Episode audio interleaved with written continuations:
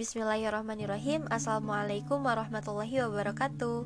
Teman-teman, kembali lagi di podcast Semerbak Kata Hari ini kita akan bahas tentang pemuda muslim ideal. Jadi yang gimana sih pemuda muslim ideal itu? Ketika aku lihat demografi pendengar podcast ini Dari sisi usia Itu kebanyakan rentan umur 18-22 tahun. Remaja akhir lah ya, pemuda dan apa yang harus kita lakukan sebagai pemuda. Apalagi kita punya identitas muslim gitu kan. Dan Rasulullah dalam salah satu sabdanya menyampaikan bahwa kaki kita nggak akan bergeser di hari kiamat dari hadapan Allah sebelum kita ditanya salah satunya adalah tentang masa muda. Tentang masa muda kita dihabiskan untuk apa?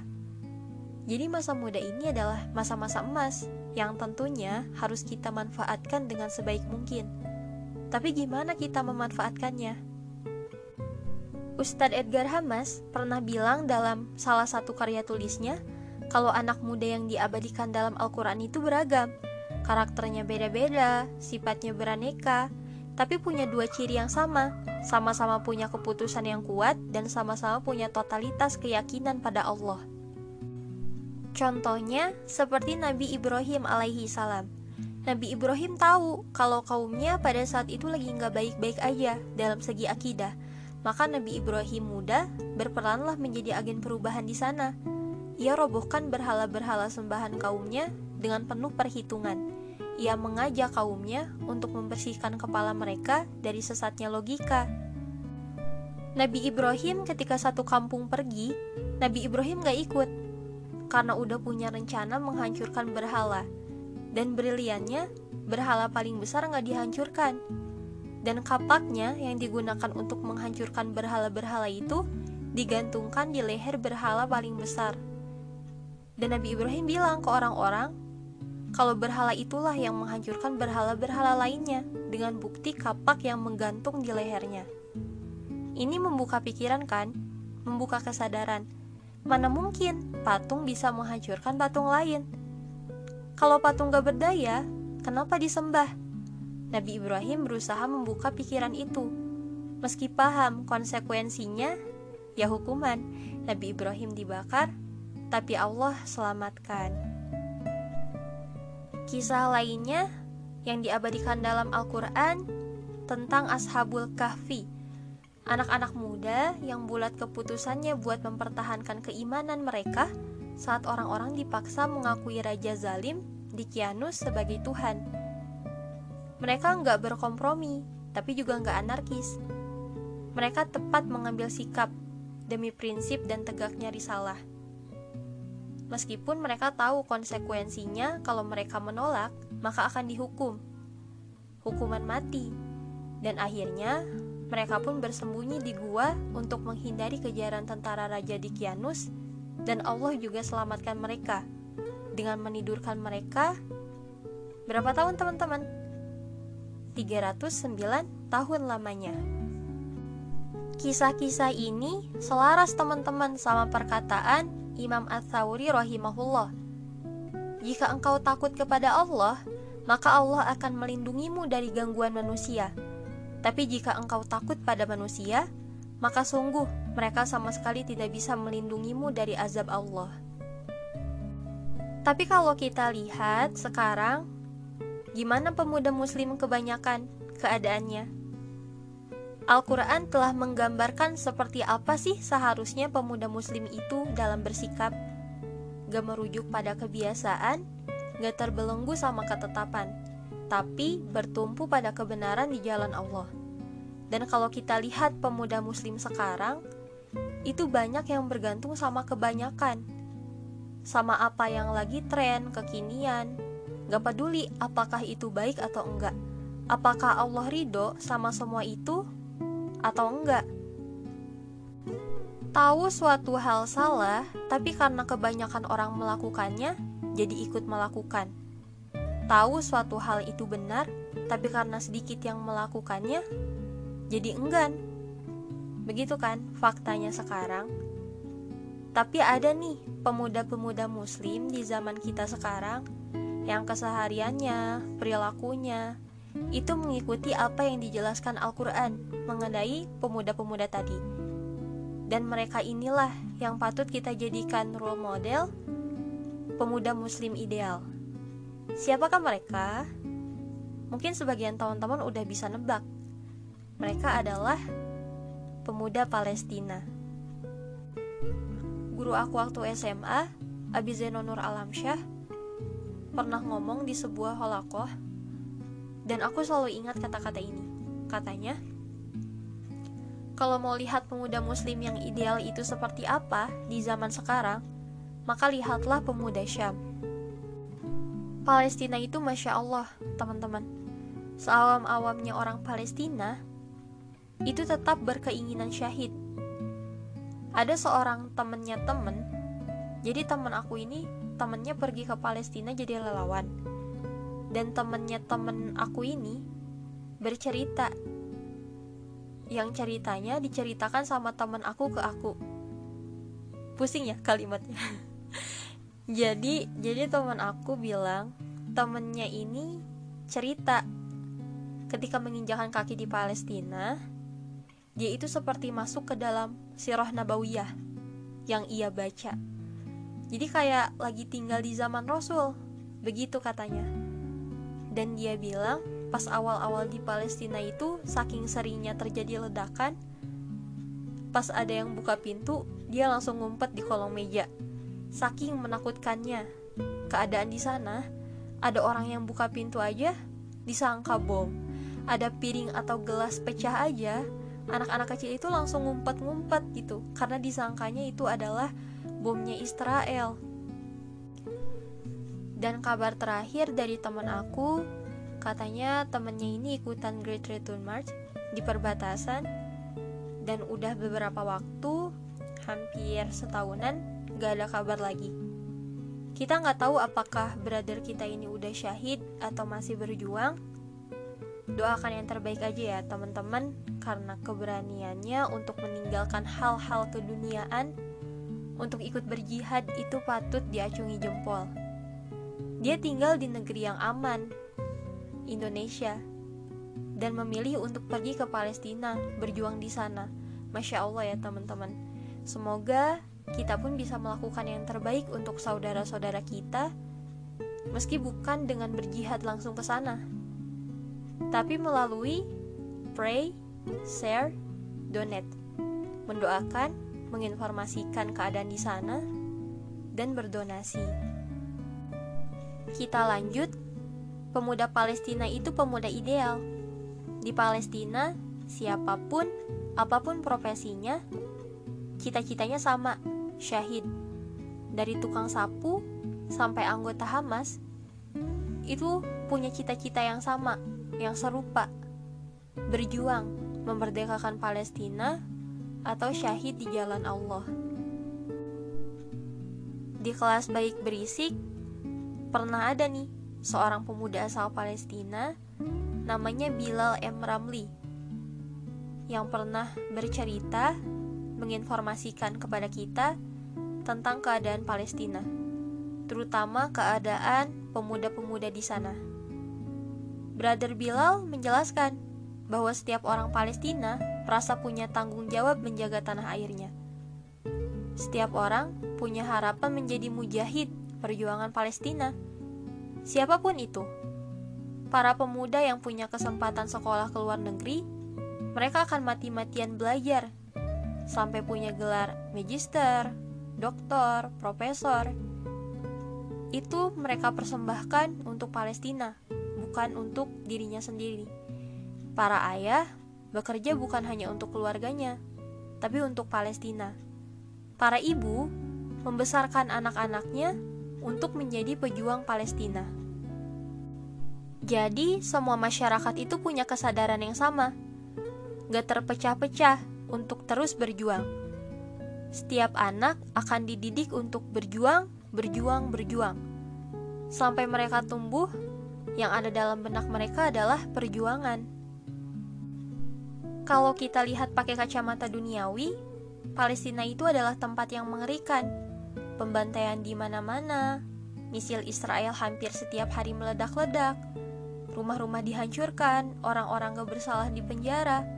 Dan bahkan kalau teman-teman baca artikel-artikel tentang gimana keadaan penjara Israel, itu benar-benar gak layak dihuni sama manusia. Kejam banget pokoknya. Sekarang, di musim covid kayak gini, kita akan menyaksikan di televisi ada seorang juru bicara yang menyampaikan peningkatan jumlah positif covid. Dan di Palestina, gak cuma saat wabah covid aja. Dari dulu, konferensi pers semacam itu dilakukan tiap hari. Pihak rumah sakit akan mengumumkan di hari itu ada berapa orang yang syahid karena serangan Israel. Masya Allah, gak kebayang ya teman-teman kalau kita hidup di sana gimana.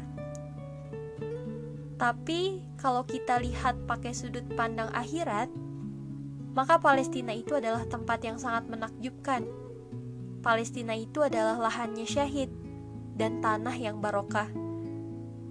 Dan begitu pula sudut pandang yang dipakai oleh orang-orang Palestina. Sudut pandang akhirat.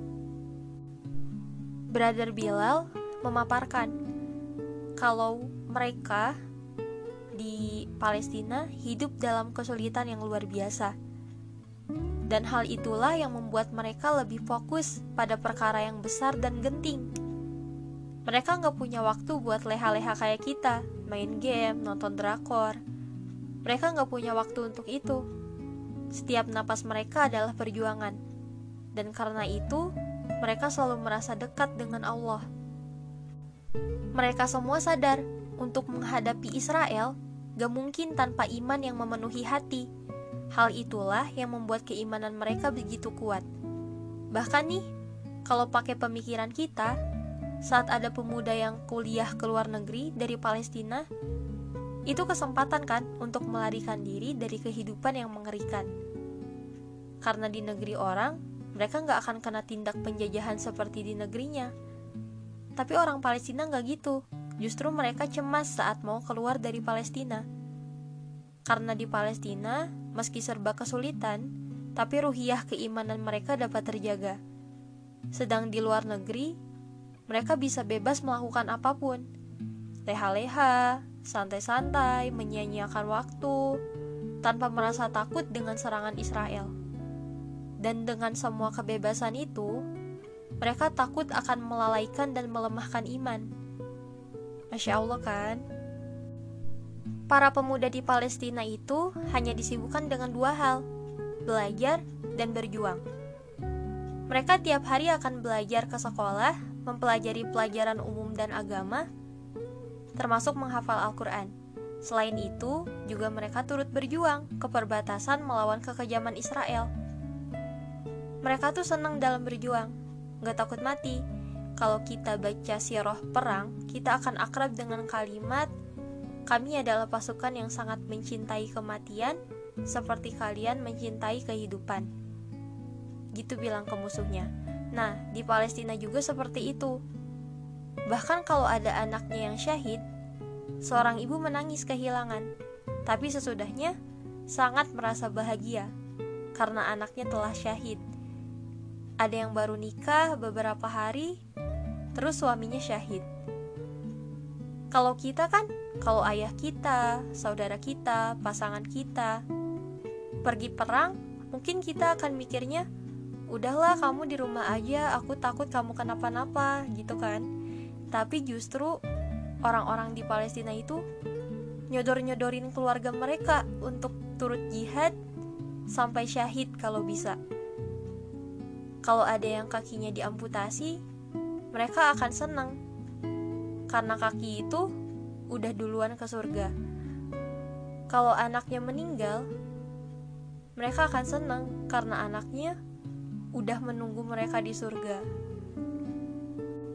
Ada yang keren lagi teman-teman. Di Gaza, angka buta huruf itu cuma 3% aja. Hebat gak? Padahal mereka serba terbatas. Sekolahnya aja fasilitasnya kurang banget. Banyak liburnya lagi. Tapi semangat belajar mereka tinggi. Dimulai dari didikan tadi, iman dan ilmu untuk perjuangan. Palestina itu negeri hafizul Quran juga. Mereka, anak-anak muda, anak-anak kecil, akan berlomba-lomba ngapalin Quran.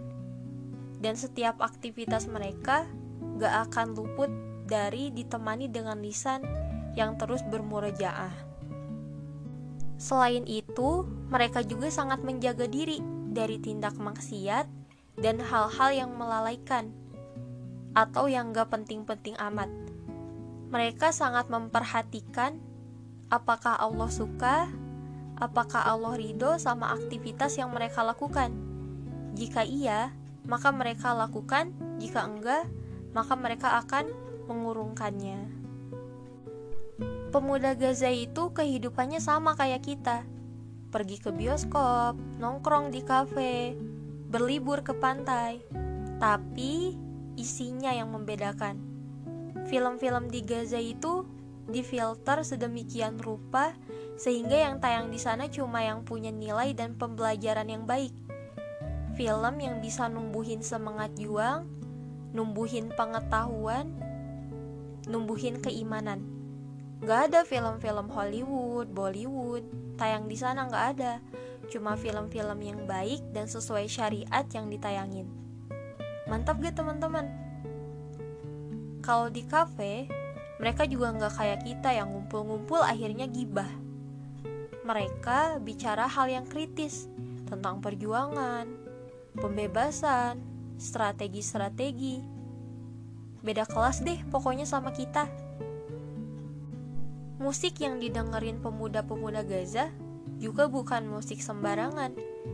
Kita mungkin kalau denger musik barat yang penting enak aja. Gak peduli sama maknanya yang bobrok, maknanya yang merusak.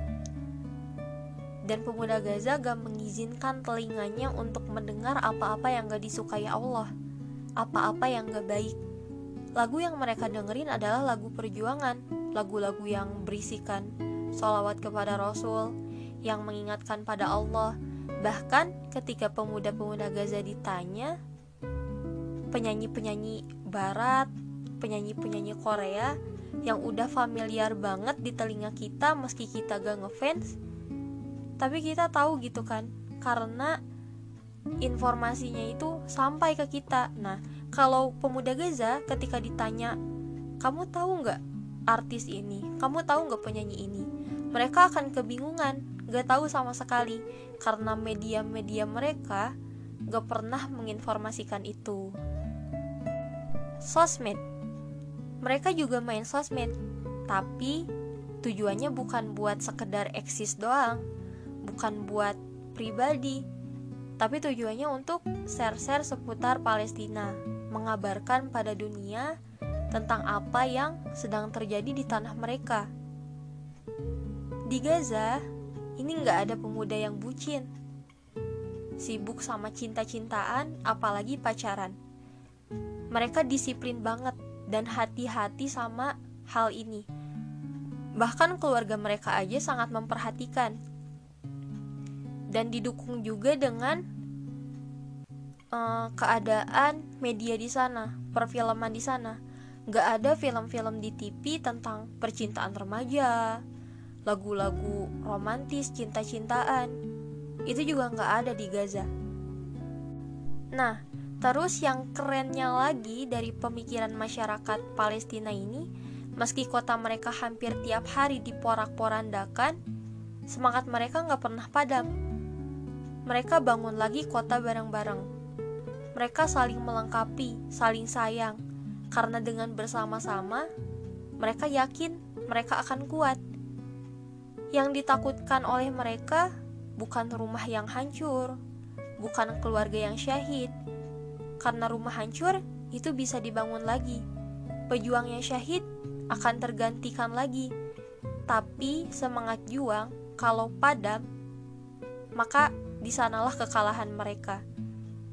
Jadi, yang paling penting bagi mereka adalah saling menyemangati, saling support satu sama lain untuk saling menjaga semangat juang mereka dalam mempertahankan tanah mereka dari Israel yang gak ada henti-hentinya untuk merebut.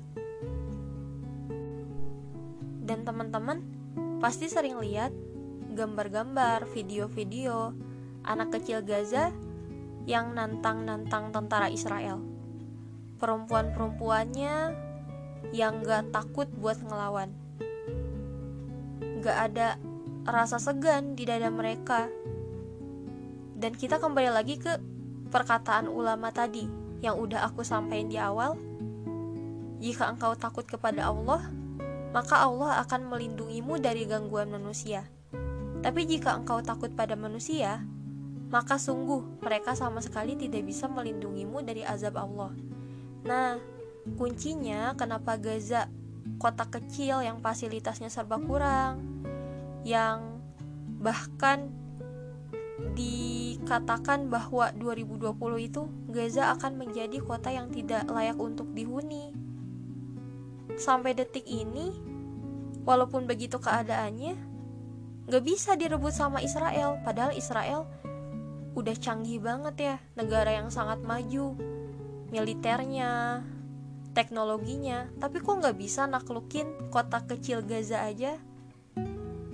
Nah kuncinya itu karena mereka itu warga Palestina nggak takut sama Israel mereka takut cuma sama Allah dan karena itu Allah senantiasa melindungi mereka.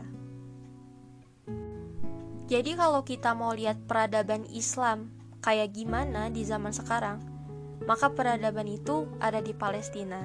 Sayangnya, negeri yang sangat amat islami itu sedang terjajah. Maka tugas kita sebagai generasi muslim, sebagai pemuda muslim, adalah untuk turut memperjuangkan kemerdekaan mereka juga. Teman-teman, saudara kita di Palestina nggak pernah meminta bantuan kita, nggak pernah minta disemangatin sama kita, tapi kitalah yang perlu itu. Semoga dengan kita selalu mendukung mereka, kita kecipratan berkahnya, kecipratan pahalanya, kecipratan mulianya. Dan mungkin kita selalu menyangka kalau kita bawa-bawa bendera Palestina, teriak-teriak Palestina, itu cuma hal sederhana. Tapi ternyata hal sederhana itu bisa bikin semangat buat pejuang Palestina yang sedang berjuang.